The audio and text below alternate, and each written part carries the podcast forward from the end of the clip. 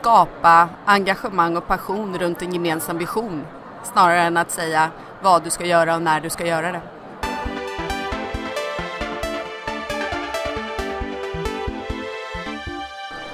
Välkommen till Effekten, direkt ifrån webbdagarna 2017 och jag är Jonas Jani.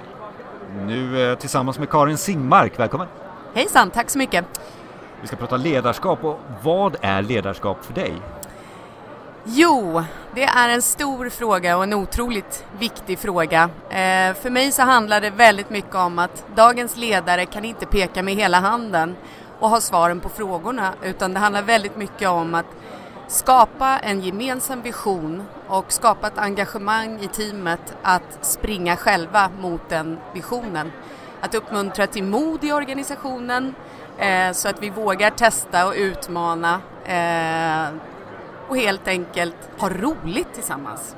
Det är ledarskap för mig idag. Men har vi inte, har vi inte alltid tänkt så inom ledarskap? Jag tror att många av våra föreställningar av hur en chef ska vara är satta i historiken när vi förr i tiden hade en förutsägbarhet i vår vardag. Vi visste att imorgon ska vi göra det här och i övermorgon ska vi göra det här.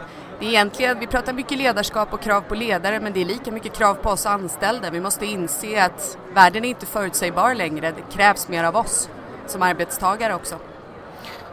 Eh, så man tar inte en anställning längre eh, utan man är lite ledare själv som anställd? Ja men precis, ja. precis så. Det blir mer och mer eh, aktuellt i och med flexibelt arbetsliv.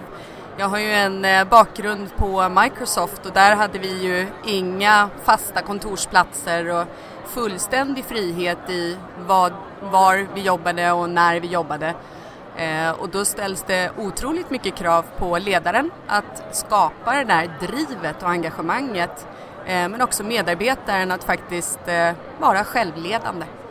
Och, och här på, i effekten så pratar vi om hur man optimerar digitaliseringen och du är lite inne på det här att digitaliseringen i sig kanske är den här förändringen som behövs för att kicka igång ett nytt ledarskap. Ja, eh, digitalisering kan vara så mycket eh, för så många olika organisationer. Det kan ju vara att effektivisera en befintlig eh, process eller att uppfinna nya affärsmodeller så det kan vara så mycket. Men digitalisering ur ett ledarperspektiv, det handlar verkligen om att eh, eh, skapa engagemang och passion runt en gemensam vision snarare än att säga vad du ska göra och när du ska göra det. Och man ska inte sitta och vänta, alltså som ledare så måste man ta hjälp också här. Eh, är det så du säger ja, i men, ditt ledarskapstänk? Ja men precis, mm. ledaren har ju inte svaret på frågorna så att uppgiften är ju egentligen att samla de absolut mest kompetenta eh, runt eh, sitt bord och gemensamt lösa utmaningar. Tycker du att dagens ledare törs det? Alltså det är lite dra ner byxorna eller något åt ja, det hållet? Eh. Ja, visst är det så. Eh, jag tycker det finns många ledare som är extremt duktiga och kompetenta och det är väl egentligen handlar det ju mycket om det. Eh, människor som har god självkännedom brukar ofta inte ha problem med att erkänna sina svagheter och ha tillit till människor. Så det handlar nog snarare om en personlighet än en, en gammaldags versus ny. Är det de bästa ledarna som kan bjuda på sig själv eller se sina egna svagheter och ta hjälp? Eller? Ja, jag, tycker det, jag tycker det är en, en viktig del i en modern ledare. Eh, absolut. Människor har ju ett behov av att tillhöra och känna sig sedda och bidra och då måste ledaren uppmärksamma det. Och just det här med goda exempel på bra ledarskap i en värld som håller på att digitaliseras. Har du några konkreta sådana det här vill jag ta upp som exempel, det här var bra? Ja, jag tycker det är många som är väldigt duktiga. Själv har jag fått förmånen att jobba med några stycken genom åren eh, och eh, de som jag tycker har varit bäst har just lyckats eh, skapa den här grymma och rätt så konkreta visionen och den här konkreta strategin och gemensamt med teamet sätta de här målen så att vi alla känner ett engagemang och ett, en passion att springa dit. Ehm, så att jag har fått förmånen att jobba med några sådana chefer ehm, och nu så har jag tittat lite extra på eh, några personer där ute i näringslivet som jag tycker är duktiga.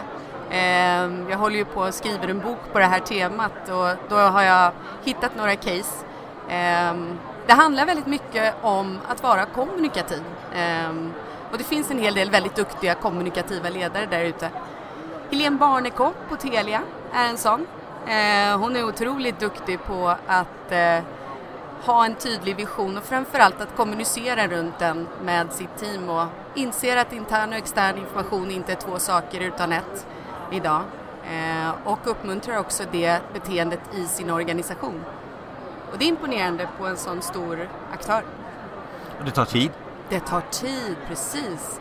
Det här är ingen eh, snabb sprint utan, och det tror jag ofta många tröttnar på, att man påbörjar ett arbete, man ser ingen effekt och så släpper man det.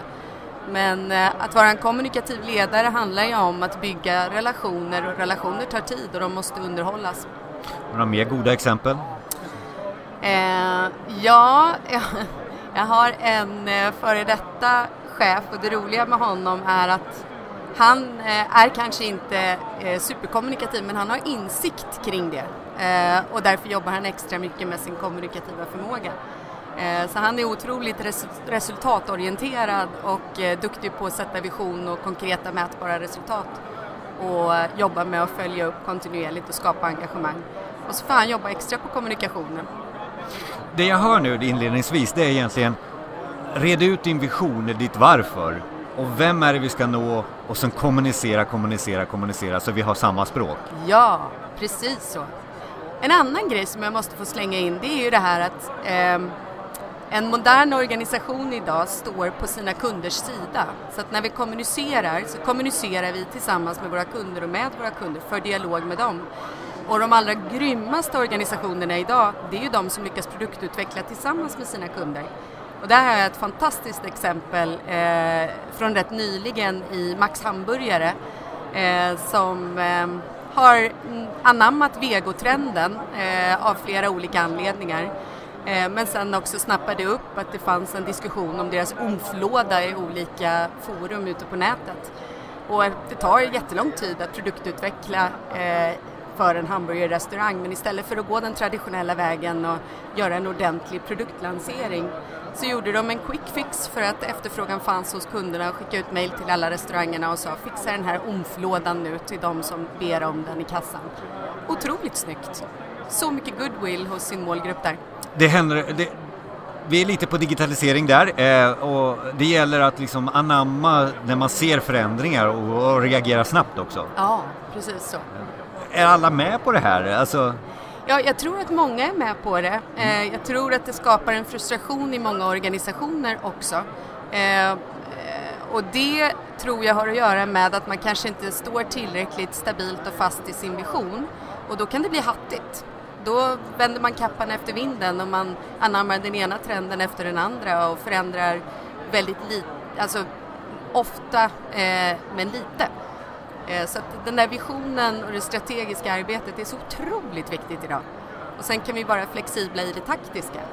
Du, menar, du, du, du applicerar 80-20-regeln där också, 80% visionsarbete och 20% utförande? Eller? Ja, det är ja. helt rätt. Ja. ja. Eh, är det också hela tiden eh, en kontinuerlig förändring utav eh, arbetet med visionen eller har man satt visionen så är den satt? Eller är du... Jag tror att eh, i dagens, eh, det är ju väldigt beroende på bransch och beroende på företag. Eh, jag jobbar med en del startups och deras vision Visionen ska ju helst vara på väldigt många års sikt men om man jobbar i en otroligt snabbföränderlig eh, bransch så kan man behöva rycka på den lite oftare än det mer traditionella bolaget.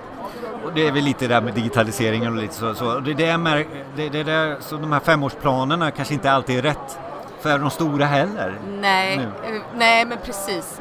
Jag, eh, min erfarenhet är att, att återbesöka visionen jätteofta, det är otroligt viktigt. Um, och man kan sätta vision i det lilla och i det stora. När jag jobbade på Microsoft så satte vi förstås en vision för marknadsavdelningen och vad vi skulle åstadkomma. Och vi återbesökte den visionen kvartalsvis eller en gång i halvåret. Um, för att, och det handlar mycket om förankring och få gänget att känna att, men herregud, det här är, det här är helrätt och vi är ute och vi tar oss framåt.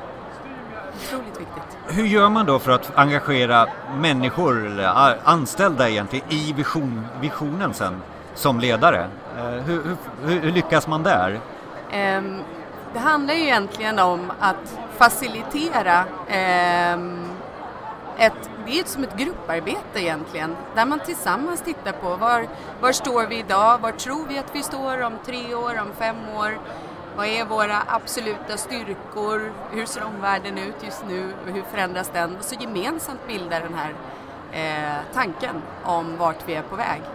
Och då är det en positiv förändring man måste också kommunicera. Precis. Eh, och den är inte alltid så lätt när det sitter folk med armarna i kors och säger vi ska göra precis som vi alltid har gjort tidigare. Nej, mm. exakt så. Och speciellt i digitaliseringens ära så, så är ju för många företag framtiden tuffare än historiken. Och då blir det ju väldigt svårt att jobba. Eh, jag har erfarenhet av det från, innan Microsoft jobbade jag på MTG.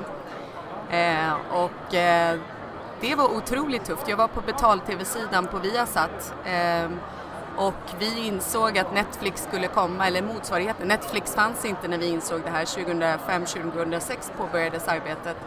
Eh, men då, in, då tvingas man inse att i en framtid så kommer vår kärnaffär inte finnas kvar eh, och vi kommer ha mycket större konkurrens ehm, och det kommer bli tufft.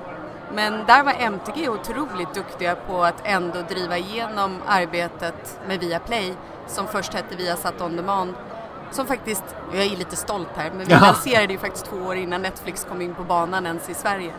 Och det är imponerande för att Viaplay var egentligen en total, det var ju, det var ju som att äta upp sitt eget ben. Um, men istället för att någon annan började käka upp oss så valde vi att själva göra det erfarenheterna från mig och MTG det handlar ju också väldigt mycket om att där utför man verkligen eh, eh, ett beslut och, ja. och, och får ner det i organisationen. Ja. Eh, men vi pratar hur får man med sig alla på det här. Ja. Generationsfrågan, finns den med här? Ja, hur tänker du då? Jag tänker att de som är 80-talister eller 90-talister är mera benägna att förändra sig. Eh. Snabbare på att förändra sig. Att ta anamma den förändringen som nu krävs?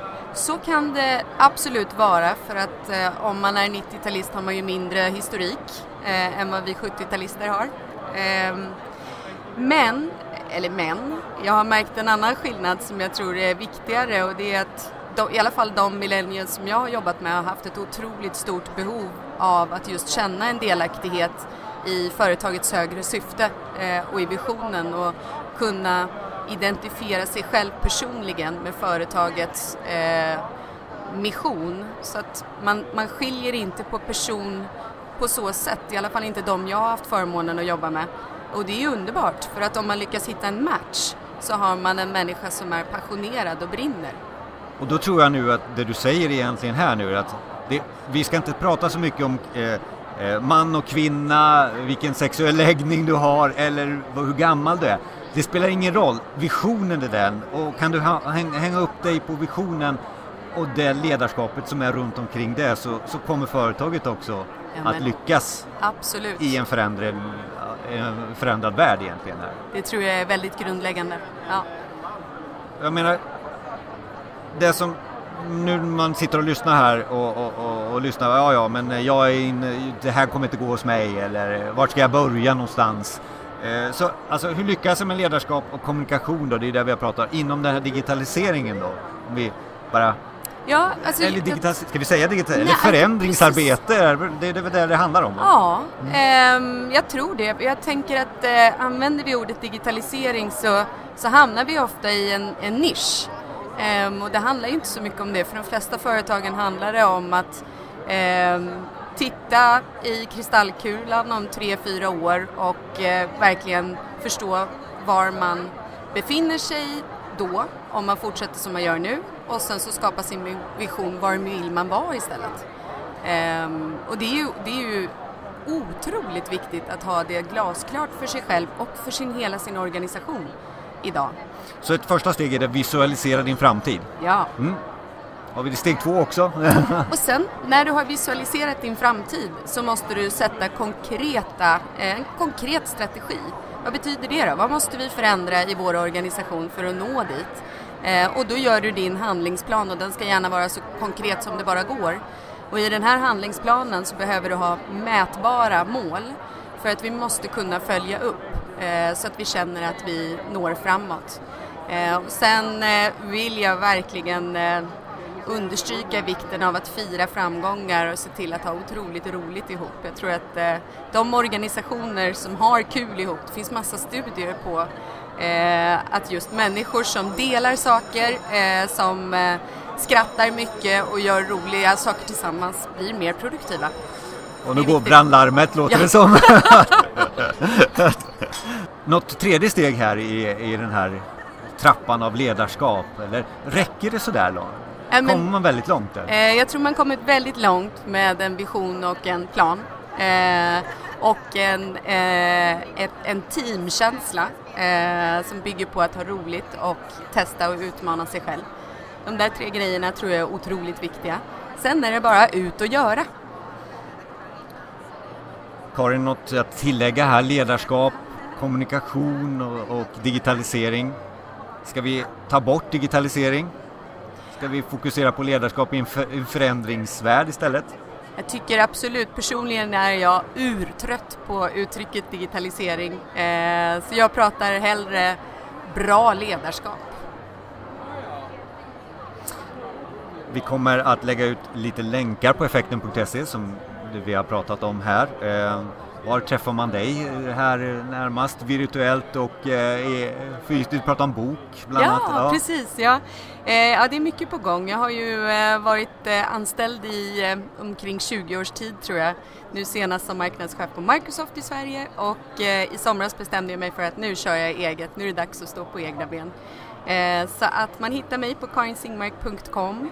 jag håller på att skriva en bok om den kommunikativa organisationen Eh, jag jobbar lite grann med Hyper Island, eh, lite grann med webbdagarna ehm, och eh, lite andra styrelseuppdrag och det handlar egentligen om förändringsledning ehm, ja, i stort. Tack så mycket. Du har lyssnat till Effekten. Vi hörs i nästa avsnitt. Återigen, tack Karin. Tack så mycket.